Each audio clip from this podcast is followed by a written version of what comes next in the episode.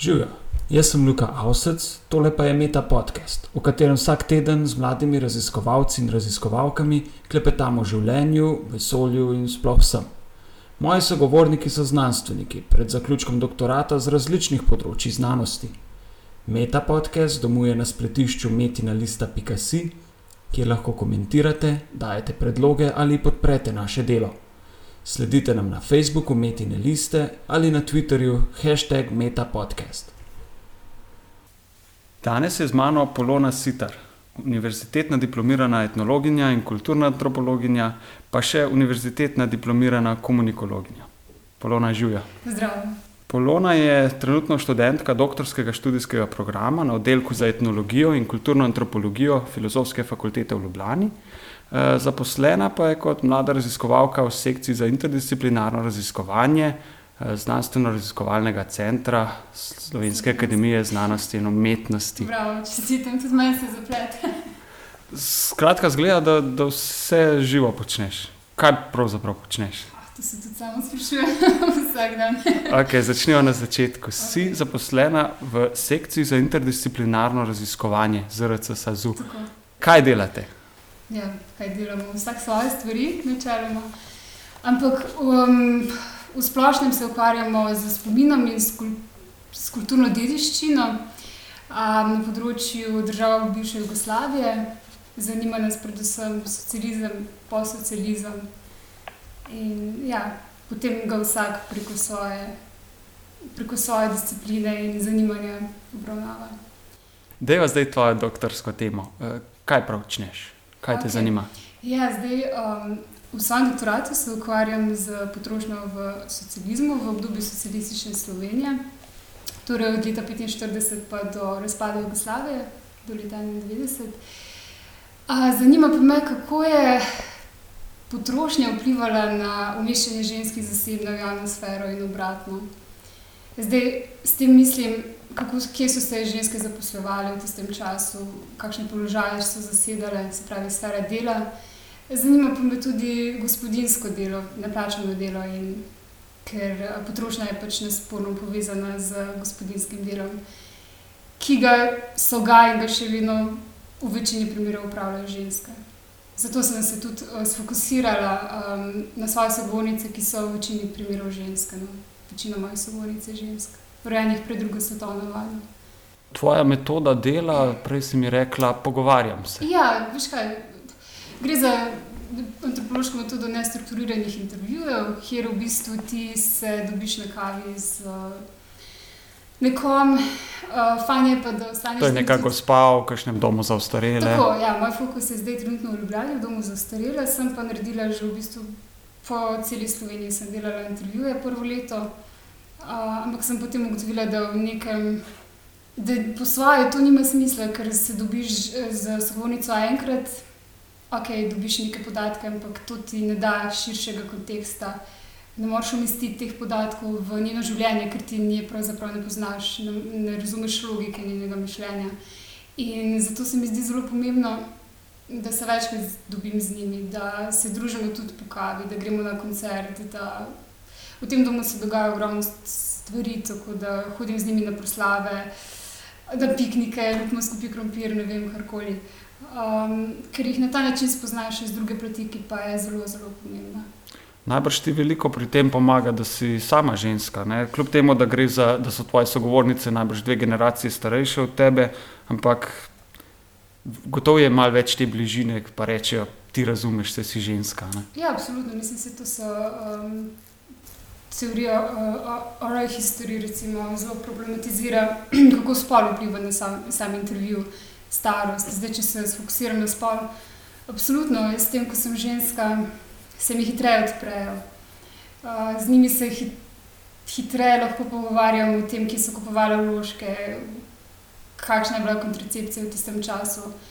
Uh, za, mogoče bi se teže odprli meni, če bi bila moški v tem smislu. Po drugi strani pa mi dosta rečejo, vse ti kot ženska boš to razumela in ne razlagajo. Zato moram v bistvu se večkrat sama opomniti in jih vprašati. Na vidi zelo samoumevne stvari, ki so samoumevne tudi meni.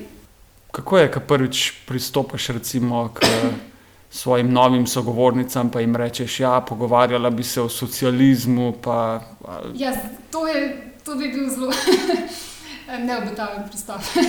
Problem je v tem, da uh, antropologija temelji na metodi snežne kepe, ki pomeni, da uh, s tem, ko spoznaš eno sogovornico, se z njo večkrat dobiš, da ti potem ona predstavi svoje prijateljice in si na takšen način krepiš ta socialni kapital oziroma socialno mrežo. Um, sem poskusila že vseeno, tudi do tega, da sem vem, na ulici pristopila do nekoga, kar se vidi, spet ne priporočam. Um, fajn je, da prideš večkrat v nek prostor in da v bistvu se ti, um, če ti sogovornica predstavi svojo prijateljico, imata že z nule nekaj skupnega in to je pač ta vajna skupna prijateljica. Veliko raziskuješ. Uh kako tehnološki razvoj in modernizacija vpliva tako na potrošnjo, kot na življenje eh, žensk v socializmu, kjer bi rekla, da je tako eh, močna prelomnica v njihovem življenju. Ja, zdaj to, kar sem dobila na terenu. Um, absolutno je bil pravi stroj tista dobrina, ki so se najbolj želeli, ta prva osnovna želja Predstavljam si, da je to jasno izjemno pomembno za žensko, ne? ker naenkrat ja. ni treba več na reko hoditi. Pa... Slišim ogromno zgodb o tem, kako so mi zmrzovale roke in kako je bilo dejansko fizično izjemno naporno delo, pranje na roke. Ne? In z dostopom um, pravnega stroja v gospodinstvo se, to, se ženske razbremenijo. Ne? zanima pa me tudi, kako pravni stroj vpliva na um, dinamiko dela med moškim in žensko v gospodinstvu. Spravi, so še vedno ženske bile tiste, ki so prave ali ne. Pravni stroj je tehnološki izum, ne ja, tle avtomatsko pride. Moški ja, zraven. Moja ideja je v tem, da se dejansko, uh, ker se moški spol vedno povezuje s, tehnolo s tehnologijo, uh, da so v bistvu bili moški prvič udeleženi v procesu pranja ker ko so pravili ročno, so pravili vedno same. Zdaj pa v bistvu ni bilo več sramotno, če je moški prav, ravno zaradi tega, ker je bil pravni stroj, tehnološka naprava, mislim, pritisnil si na gumb. Uh, in pogosto so sogovornice rekle, da so dali svojim možem v branje navodila, kako ga uporabljaš. Um, ja, tako da v tem smislu je pravni stroj definitivno bil v mnogih aspektih um, revolucionaren, pa da jim tako reči.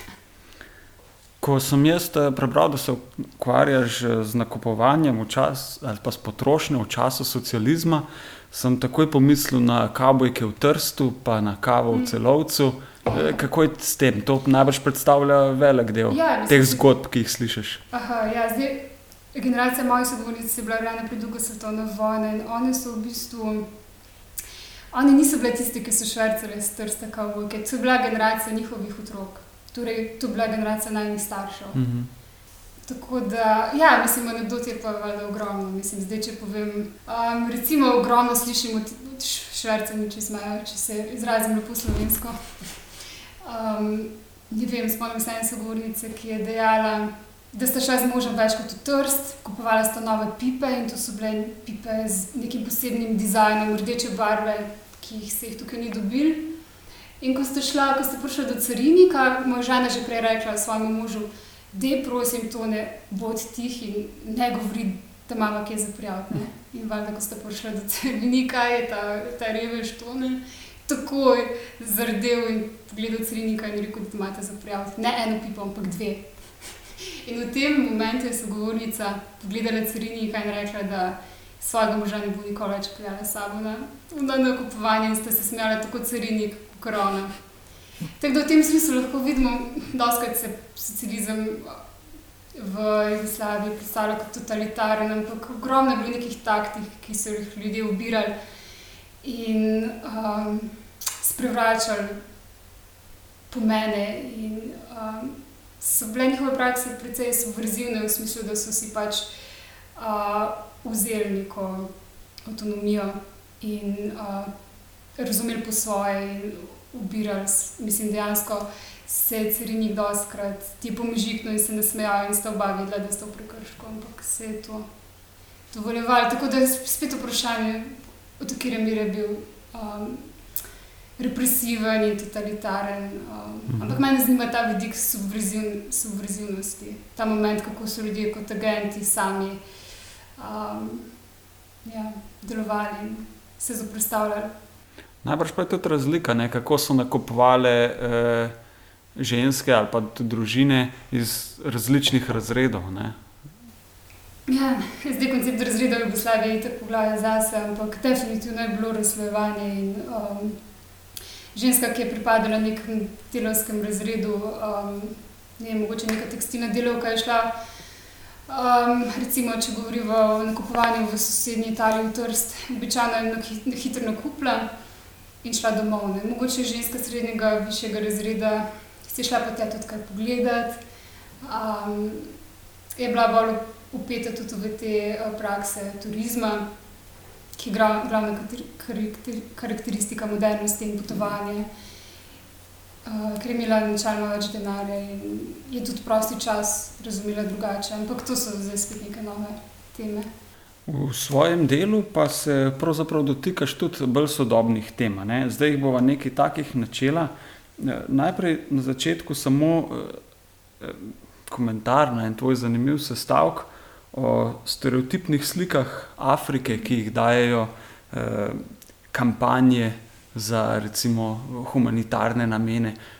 Da nam malo tem povej. Ja, sem se s kolegico ukvarjala na enem članku, šlo je za, pač, za UNICEF. In šlo je za kampanjo, ne vem, kje leta točno na Čopovi ulici v Ljubljani so postavili. Mislim, da je, bila, da je bil naslov Umaknimo ruanske otroke iz ulic, nekaj takega. Jaz sem pač um, na UNICEF-u naredil um, iz kartona, uh, so izrezali fotografije dejanskih otrok iz Ruande in jih postavili med nas, med pišice. In so na takšen način zelo neposredno lobirali med ljudmi za denar in iskali pri njih sočutje. Uh, namreč ti, če si se ustavil pri enem izmed teh uh, kartonastih. Um, otrok. Da si, ja, si dejansko lahko um, vtipkal neko, neko številko in daroval, ne, mislim, da je evro ali dva. In na ta način je bil v tem, da bomo zbrali, mislim, da 200 evrov in bomo s tem umaknili enega, pod narekovajem, umaknili enega otroka iz ulice in bo pač dobil nek dom.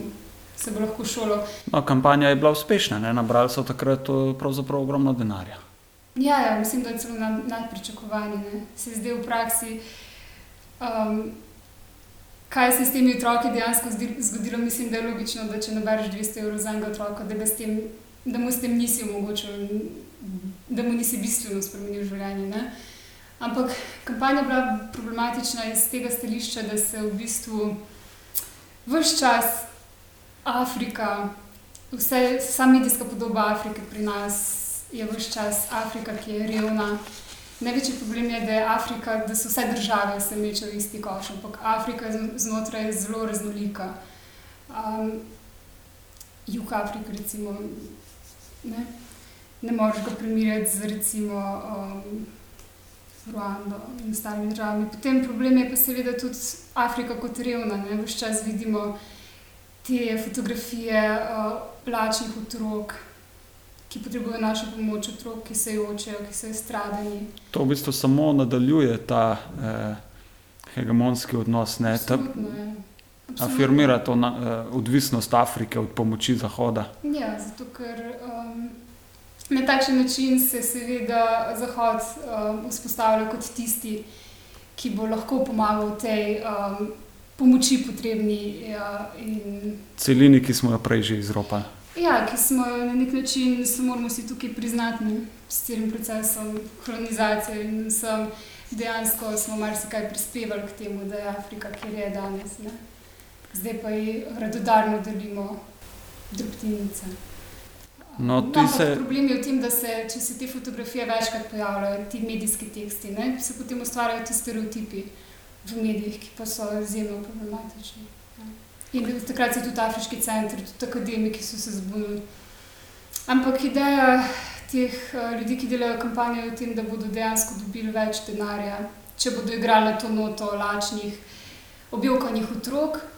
Um, ne pa recimo, da bi bira denar z temi veselimi otroci, v smislu, poskrbimo, da bo Afrika takšna ostala in da bi dali recimo na plakate te vesele otroke.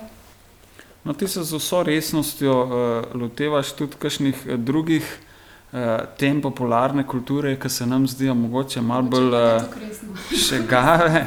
Okay, ti si v svojem delu se dotaknila kokte, pa lajbahov, pa uh, resničnostnih šovov, pa deva, deva mogoče te resničnostne šove. No, to je mene najbolj fasciniralo, moram reči, to branje uh, uh, je prav zanimivo. Upam, da se bodo tudi od naših poslušalcev uh, lotil to prebrati. Um, ti si preučevala resničnostni šov Ljubezen na Seniku. Zdaj, za vse tiste, ki tako kot jaz ste že malo pozavali, kaj je to bilo, sezona 2011 je ponujala najbolj romantičen resničnostni šov, v katerem fanti z podeželja iščejo sorodno dušo v mestu.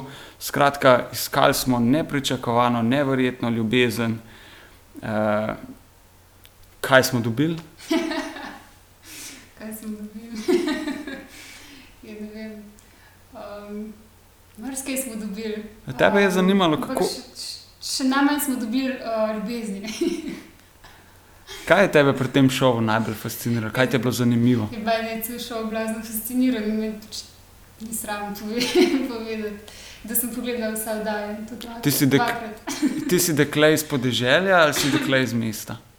Ja, Kje si se videl? Kaj je podeželje, kaj je mesto? Mislim, mislim da ta ločnica ni tako preprosta, ampak Um, zdaj ima ideja v tem, da se ta šov fura na to romantično ljubezen, ampak v bistvu je ogromno diskurzov, ki povedo precej več o razredu in spolu v današnji družbi, kakor dejansko v tej romantični ljubezni.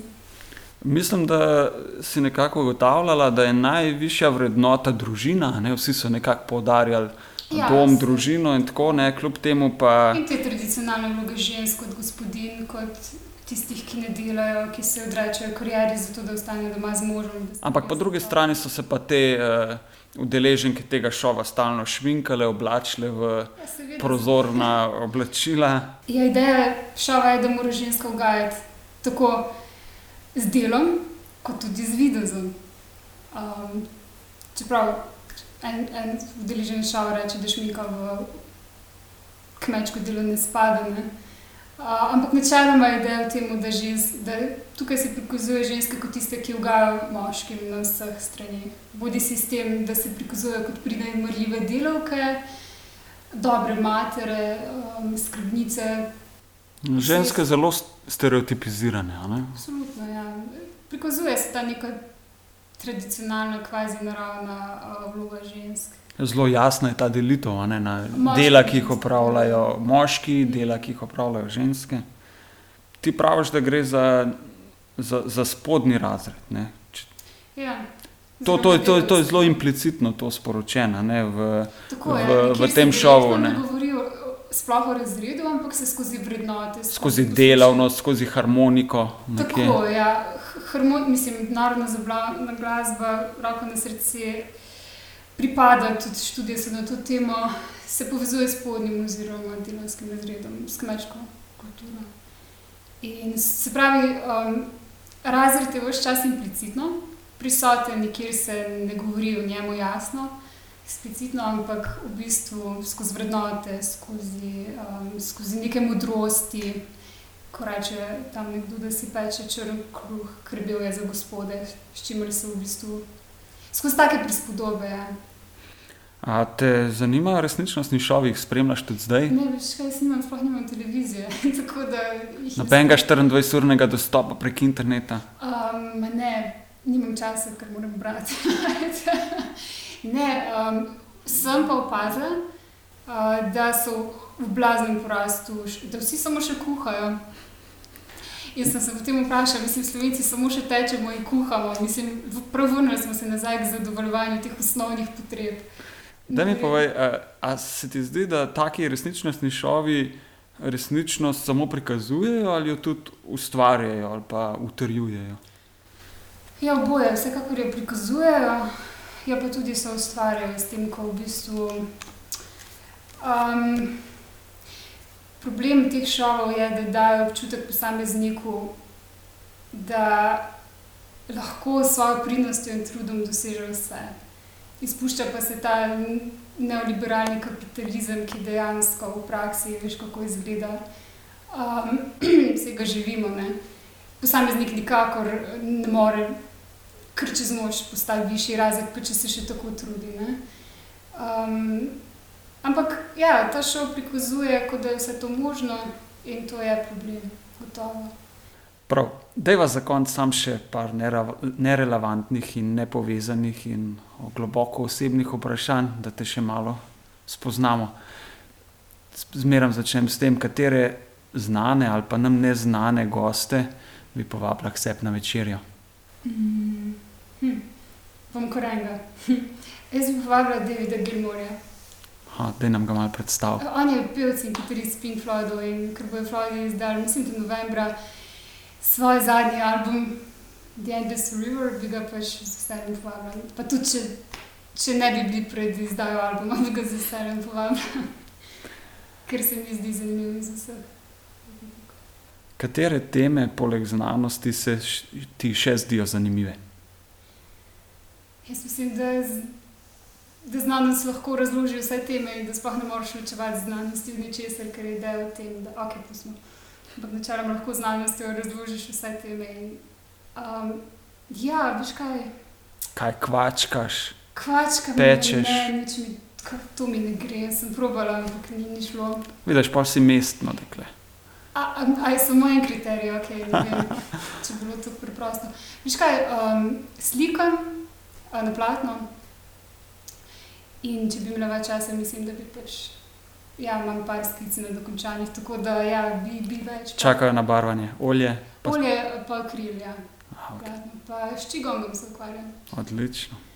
Ki, mislim, za katerega bi si pa tudi rada vzela več časa, ampak se veš, kako je.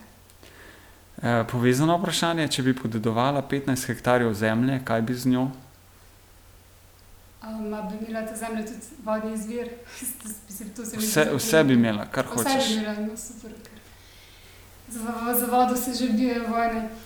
Um, veš, kaj bi naredila? En ogromen vrt bi naredila, um, sadovnjak. Um, pa ne vem, en ogromen prostor, bi, kamor bi dala vse te živali iz zavetišč, da bi preživele neko dostojno, da bi čakali nek dostojen konec svojega življenja. Drugače ne vem, mogoče bi bilo treba razmisliti, če kaj v smislu profita, ampak to zdaj enkrat ti je lažje izbrati najljubše živo bitje, literarno, eh, likovno delo ali glasbeni komat. Ha, glasbeni komat je. Uh, tudi umetniško delo. Tudi umetniško delo. Veš kaj? Bitje je pa že samo po definiciji živo. um, no, če bi izbrala kar um, živo bitje, izbrala bi žival, um, temu psa. Imáš kakšnega konkretnega psa? Ja, imam, imam doma psa. Ja. Kakšen je? Pa tako mali črn, mešač. Divji. Ja, kje se vidiš čez pet let, pa kje čez 40 let? Kje? Ja, čez pet let se vidim najbolj še v nekem podnajniškem stanovanju, s pogledom na kakšno sivo stolpnico, s pomožnostjo, s pomožnostjo nizko najemnino. Um, čez 40 let nekje v morju, v neki mali hiši, nekje v morju. Kaj si na zadnje prebrala za zabavo, se pravi, ne za službo? V službi sigurno veliko bereš, ampak kaj, izven um, tega. Idiot Dostojevskega. Imáš kakšno najljubšo spletno stran, ki bi jo lahko predlagala? Nimam najljubše spletne strani. Vsak dan namreč najdem kakšno novo, se, če delaš kot raziskovalec, poznaš da brez tega ne gre, sem pa definitivno preveč na Facebooku. si želiš več prostega časa in kaj bi z njim?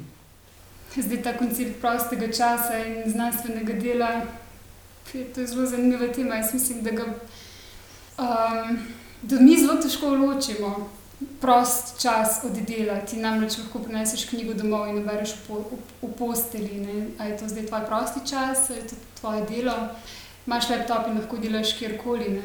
In se ta meja zelo zabrisuje, se mi pa zdi nekaj drugega še bolj pomembno. In sicer to, da v imenu ljubezni do dela, načeloma ti kot raziskovalec imaš svoje delo rad in v njem uživaš, delamo prekleto več, kot bi morda. Prav. Ja, zdaj kaj je prav, kaj narobe, ampak recimo več kot 8 ur, ajde, če je že to kriterij. Polona, hvala za pogovor. Ja, ni za kaj, hvala te.